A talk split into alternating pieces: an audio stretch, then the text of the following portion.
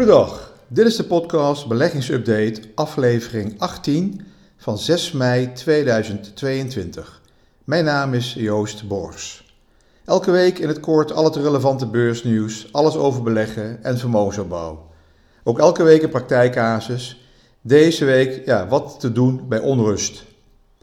Ja, we hebben de maand april afgesloten met zware negatieve cijfers. Normaal is april een positieve maand in de historie, maar dit keer was het voor Amerika betreft de slechtste maand sinds 2008 voor de Nasdaq bijvoorbeeld. Cijfers, uh, Amazon vielen tegen, Apple was ook niet echt overtuigend, dus dat hielp allemaal niet om de rust te krijgen, terug te krijgen op de beurzen. Het kan ook niet anders. Eens houdt die groei wel op bij Amazon en bij Apple. Amazon kan bijvoorbeeld niet de hele wereld bedienen, ook al willen ze dat wel. En ook Apple loopt eens tegen de maximale groei op.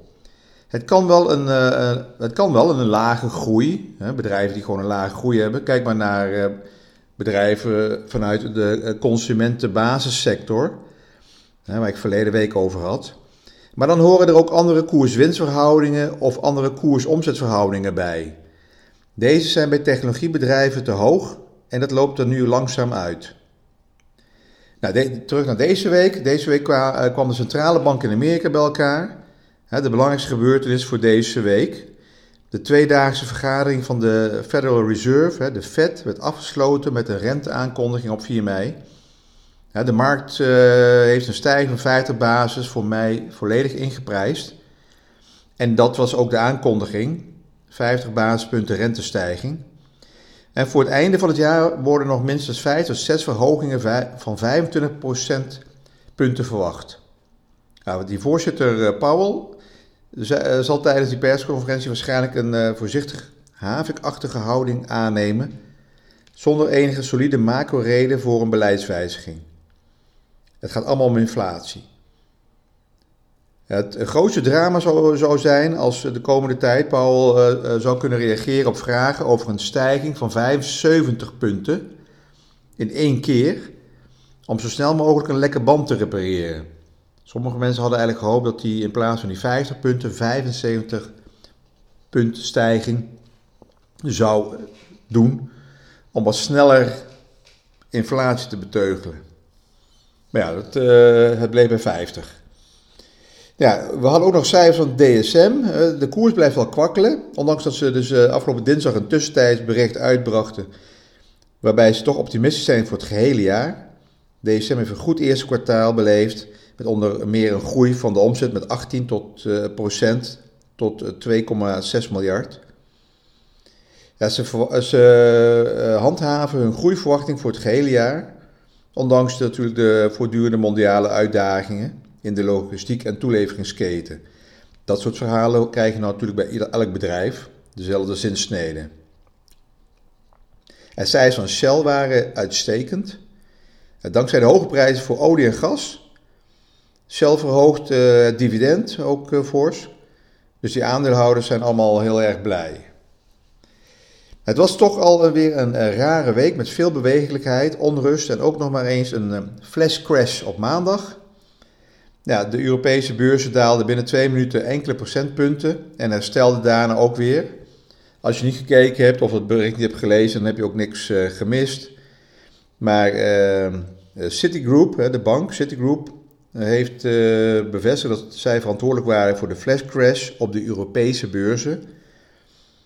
Um, op maandagochtend doken beurzen in heel Europa omlaag, vooral in Stockholm. Daar ging die index voor 8% omlaag in anderhalve minuut, om daarna weer uh, te herstellen. Maar het was dus wel behoorlijk schrikken en het kost die Citigroup waarschijnlijk gewoon een foute order ingevoerd. En behoorlijk wat, wat geld. Nou, flashcrash komt uh, maar weinig voor. Eén verkeerde, maar grote transactie door Londense handelaren van de Amerikaanse bank, hè, dus als Citibank, was ditmaal die aanleiding voor die korte crash.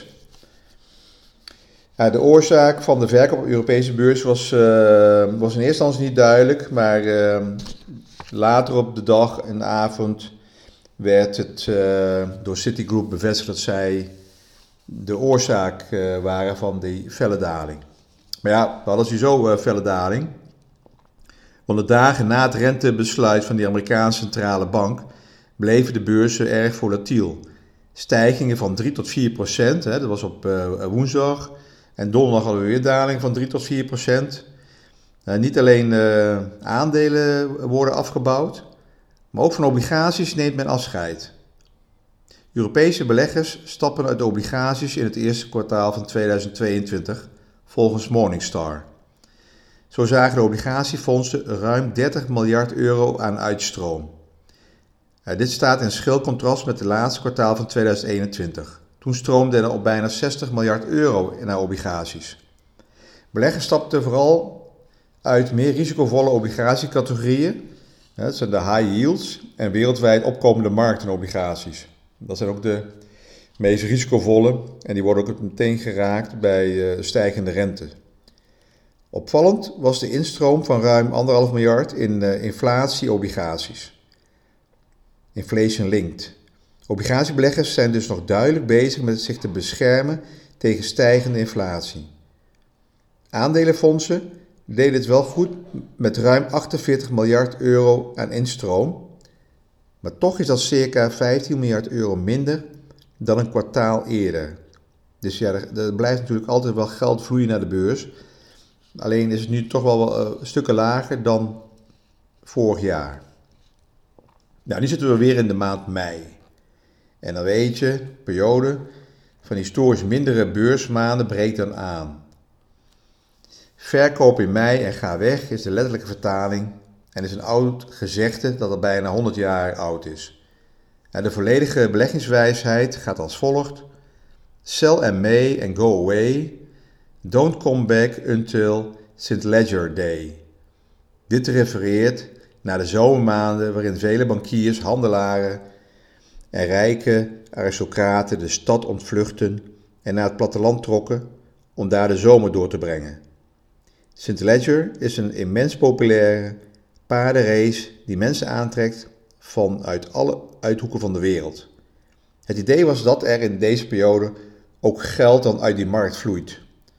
In ieder geval voor de kosten van de zomervakanties. Maar ook omdat mensen dan even gewoon niet meer naar die beurs wilden kijken. Vooral van die korte termijnhandelaren. Of dit vandaag de dag nog het geval is, hè, vandaag heb je computerhandel en high frequency trading, dat is nog maar de vraag. Het is allemaal wel oude historie. Toen nog er beursvloeren waren waar mensen fysiek bij elkaar kwamen. Ja, als de helft dan uh, ergens in een landhuis zit uh, te jagen, dan valt de omzet op de beurs natuurlijk ook voor een deel weg. In ieder geval deze veelgebruikte uitspraak onder beleggers stelt dat de aandelenrendementen van mei tot en met augustus, eh, tot begin september, minder goed zijn en suggereert dat het verstandig is aandelen in het voorjaar eh, wat af te bouwen en weer eh, op te bouwen begin september, omdat dan een betere beursperiode aanbreekt. Eigenlijk van oktober tot april is een, volgens historie een betere beursperiode. Aangezien het bijna mei is, het is uh, ja, bijna half mei alweer, rijst de vraag of er een kern van waarheid in deze spreuk zit. De laatste decennia is er veel onderzoek gedaan naar het verschijnsel. Uh, nou ja, wetenschappelijke studie. Ze gaan altijd op zoek naar onderbouwing van oude beurswijsheden. het blijkt op, op de lange termijn, de maanden oktober tot april, beter te zijn dan die resterende andere zes tot acht maanden. De wetenschappers uh, Bouwman en Jacobsen kwamen in juli 2001 met een heldere conclusie in hun onderzoek. In 36 van de 37 door hen onderzochte landen bleken de gemiddelde maandelijkse beursrendementen in de periode november tot en met april aanzienlijk hoger te liggen dan die in de periode mei tot en met oktober. Nou, eigenlijk uh, Bouwman en Jacobsen spraken uh, dus uh, van ehm, het sell in May and go away effect. En dat ze eigenlijk gunstige periode voor beleggers meer richting de wintermaanden moet zoeken. Die liggen dan iets hoger dan de maanden lente en zomer. Maar ja, we gaan het uh, allemaal uh, zien. Het is in ieder geval april was in de historie ook al positief. Nou, dat was dus uh, zwaar tegenvallend.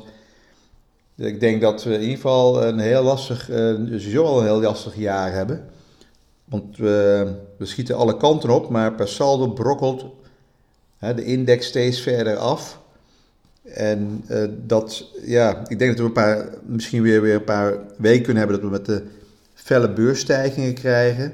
Maar per saldo misschien toch weer uh, ja, langzaam wat uh, weg gaan zakken. Belangrijk is natuurlijk nu weer wachten op de tweede kwartaalcijfers. Om te kijken wat voor een tendens is. Ja, en natuurlijk ook de oorlogssituatie in Oekraïne. Nou, dus hoe nu verder en wat kan je doen in onrustige tijden? Nou, dat is sowieso wel lastig. Hoe lang dit gaat duren, weet niemand. Maar als je alleen maar kijkt naar de recessie, ik heb het even niet over die oorlog, maar een recessie of een berenmarkt, hè, de beermarket, dat kan meestal tussen zo'n 12 tot 24 maanden duren. We zijn nu zo'n 5 maanden onderweg, maar we zijn ook wel verwend de laatste 5 tot 10 jaar. De beurs hebben de afgelopen jaren erg goede rendementen opgeleverd. Vroeger keek je dus in die eh, theorieboeken, en die we allemaal weg kunnen gooien tegenwoordig, dat aandelen over een lange periode een rendement van circa 7,5% per jaar voor een offensief profiel kon opleveren. De laatste vijf jaar is het veel hoger geweest. Veel, veel hoger geweest. Dus eigenlijk hebben we een voorschot genomen op toekomstige groei van bedrijven. Wat je kan uh, doen, hangt ook helemaal af van je eigen levensfase of doelstelling die je gemaakt hebt voor het beleggen. Voor ieder individu kan of is het anders. Iedereen heeft een ander uitgangspunt, een risicoacceptatie. Het is een lange termijn belegger of een korte termijn handelaar. Het is bezig misschien met pensioenopbouw. En het belangrijke is ook natuurlijk het bedrag dat je belegd hebt, of het bedrag wat je misschien bij iemand die periodiek ook nog bijlegt, inlegt. Of misschien ga je nu pas beginnen. Heb je een erfenis gehad? Heb je nog niks gedaan aan beleggen? Heb je spaargeld? Of heb je een bedrijf verkocht en dan ga je, wil je iets gaan doen met je vermogen? Nou, veel factoren die bepalend zijn voor het beleggingsbeleid in een onrustige beursomgeving. Er is wel een feit dat uiteindelijk de beurs wel weer uit deze berenmarktsituatie komt en een positief rendement op lange termijn gaat opleveren. Op lange termijn leveren aandelen en obligaties sowieso positieve rendementen op. Dus blijf niet afwachten als je nog met beleggen moet beginnen. En zorg in ieder geval voor een plan. Je kan het bedrag verdelen over een aantal maanden. Zorg voor een goed gespreide portefeuille. Spreiding over verschillende beleggingscategorieën, verschillende beleggings- of bedrijfssectoren en een geografische spreiding. Dat zijn allemaal dingen waar jij of je vermogensbeheerder sowieso allemaal rekening mee moet houden. Heb je alles reeds belegd, dat zijn er ook, ik ben ook iemand die ook al, al lange tijd belegt, denk dan aan het herbalanceren van je portefeuille. Hier heb ik het ook regelmatig over gehad de afgelopen anderhalf jaar. Risico en money management is de basis van beleggen. Je kan je portefeuille natuurlijk ook even nagaan van zijn er bedrijven die eh, zwak ogen fundamenteel, waarvan je verwacht, nou dat gaat echt niet herstellen van je rapporten lezen, die zitten op verkooplijsten. Dan kan je ook besluiten de afscheid van te nemen, omdat ze misschien ook op lange termijn eh, niks gaan bijdragen meer aan vermogensopbouw. Dus risico money management is de basis van beleggen. Goed kijken naar je emotie. Pas het profiel, de samenstelling van je portefeuille nog bij jou. Ook daar kan je wat aan eh, sleutelen. Je kan ook een klein deel afromen en kasgeld aanhouden, omdat je misschien verwacht dat die aandelen nog lager gaan. dan kan je op een later moment kan je dan weer gaan herbeleggen. Kan je het weer gaan aankopen. Nou, over dat afromen en wat kasgeld aanhouden heb ik nog wel een anekdote. In februari 2020 heb ik tegen mijn uh, dochters gezegd dat ze 10% van de beleggingen konden gaan afbouwen vanwege de onzekerheid die ik aan zag komen met corona vanuit China. In februari 2020 bij een AX van zo rond de 630, 620 hebben ze 10% afgebouwd. Nou, dit is eh, goed gegaan. De beurs daalde naar de 400.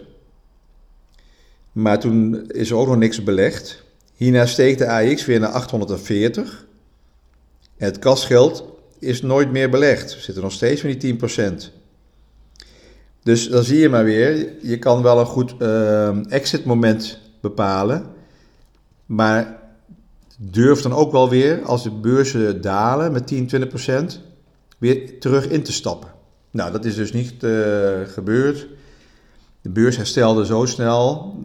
Ze bleven weer wachten met het uh, herbeleggen.